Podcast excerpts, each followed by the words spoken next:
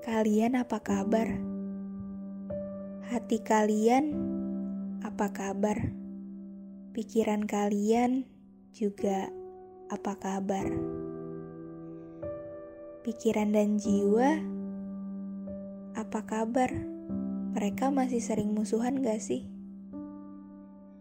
Apalagi kalau udah bareng-bareng sama hati.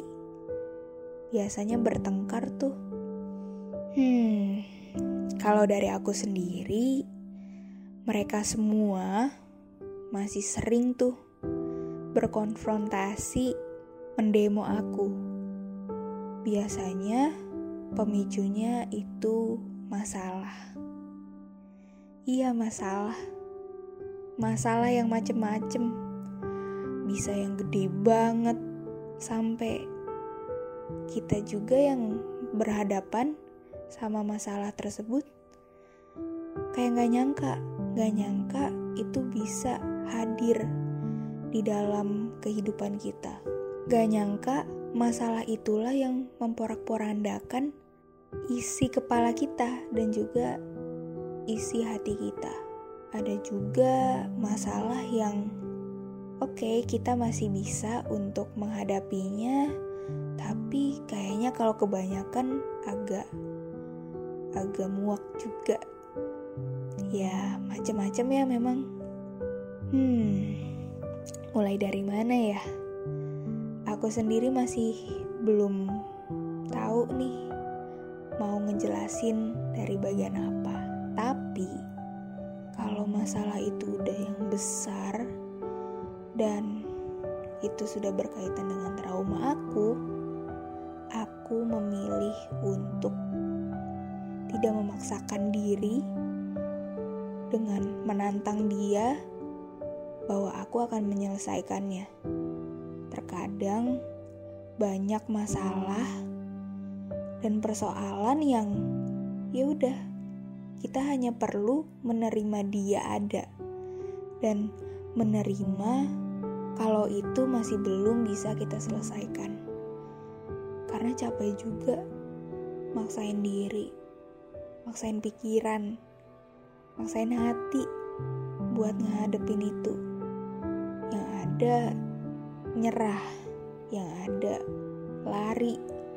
Yang gak akan bisa, dia akan selalu bersanding dengan diri kita. Bahkan mendekap kita di saat kita gak mau sama sekali deket-deket sama dia, dia akan terus ada. Yang bisa kita sikapi ya kita menerima itu dengan lapang dada. Kalau dari pribadi aku sendiri aku menerima itu dan aku nggak maksain diri aku untuk bisa menghadapi itu. Bahkan yang bagi orang itu kecil aku beberapa kali juga suka dapat omongan kayak ya udah baru masalah masalah kayak gitu doang. Baru juga kayak gitu itu sakit sih sakit banget. Apalagi kalau lagi ngerasa nggak tahu harus ngapain dan udah terbentur bukan mentok lagi terbentur. Karena kita mencoba untuk terus jalan yaitu ada tembok besar terbentur. Cuman bisa tersungkur dan orang cuman bisa bilang ya udah cuman masalah kayak gitu doang.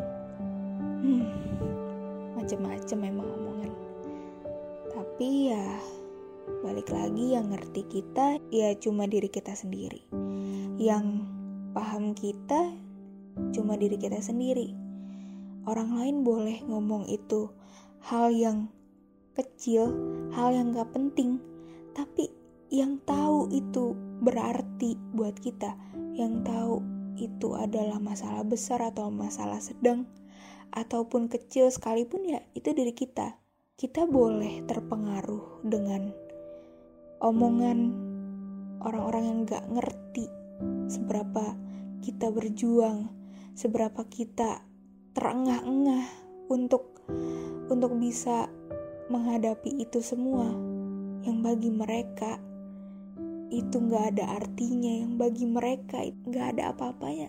Biarin coba coba berdamai berdamai dengan omongan itu karena ketika kita sudah terbentur dan tersungkur, hal yang paling pertama harus kita lakukan adalah menerima dan gak apa-apa. Semua itu gak apa-apa. Semua itu wajar.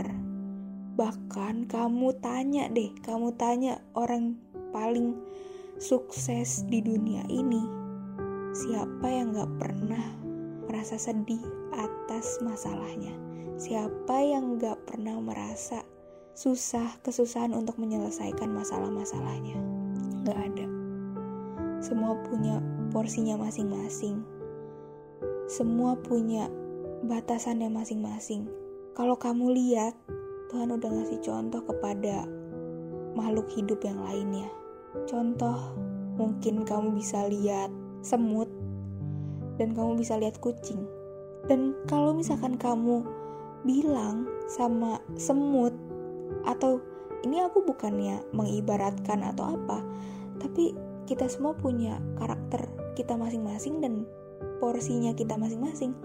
Semut tuh bisanya ngangkat yang kecil dan wajar aja kalau misalkan dia butuh proses yang lumayan panjang untuk menemukan kesuksesannya sendiri. Dan kucing pun punya caranya sendiri untuk mendapatkan apa yang dia mau dengan cara melompat yang tinggi, dengan cara membidiknya. Nanti burung juga punya caranya lagi. Gak mesti kita harus punya cara yang sama dan gak mesti kita harus bilang ke orang yang lagi ada masalah kalau mereka punya masalah yang biasa-biasa aja. Itu jangan banget karena itu sakit. Aku pernah merasakan itu sendiri. Dan ketika aku dengar omongan orang pada saat itu menjudge, menjustifikasi masalah aku biasa aja dan gak ada apa-apanya, itu ternyata bisa bikin orang jadi membenci dirinya, menyalahkan dirinya karena ya ketika kita ngomong kayak gitu kepada orang yang punya masalah dan dia sedih banget, ya dia merasa gitu ya berarti gue lemah banget nggak bisa menghadapi masalah yang bagi dia itu biasa aja. Jadi mungkin aku menggaris luruskan soal apa yang aku bicarakan. Pada intinya masalah itu adalah sebuah proses yang di mana ketika kita berhadapan atau masalah itu datang tiba-tiba dan kita nggak pernah milih untuk punya masalah itu, kita cuma bisa nerima.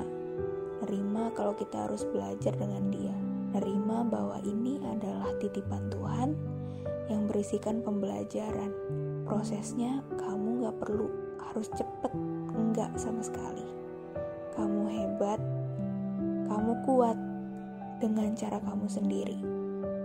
Jangan pernah mendengarkan dia yang gak mengerti kamu tapi dengarkan orang-orang yang mau memberikan solusi, mau memberikan perhatian dan bisa mengerti kamu dan kamu bisa mengerti dia.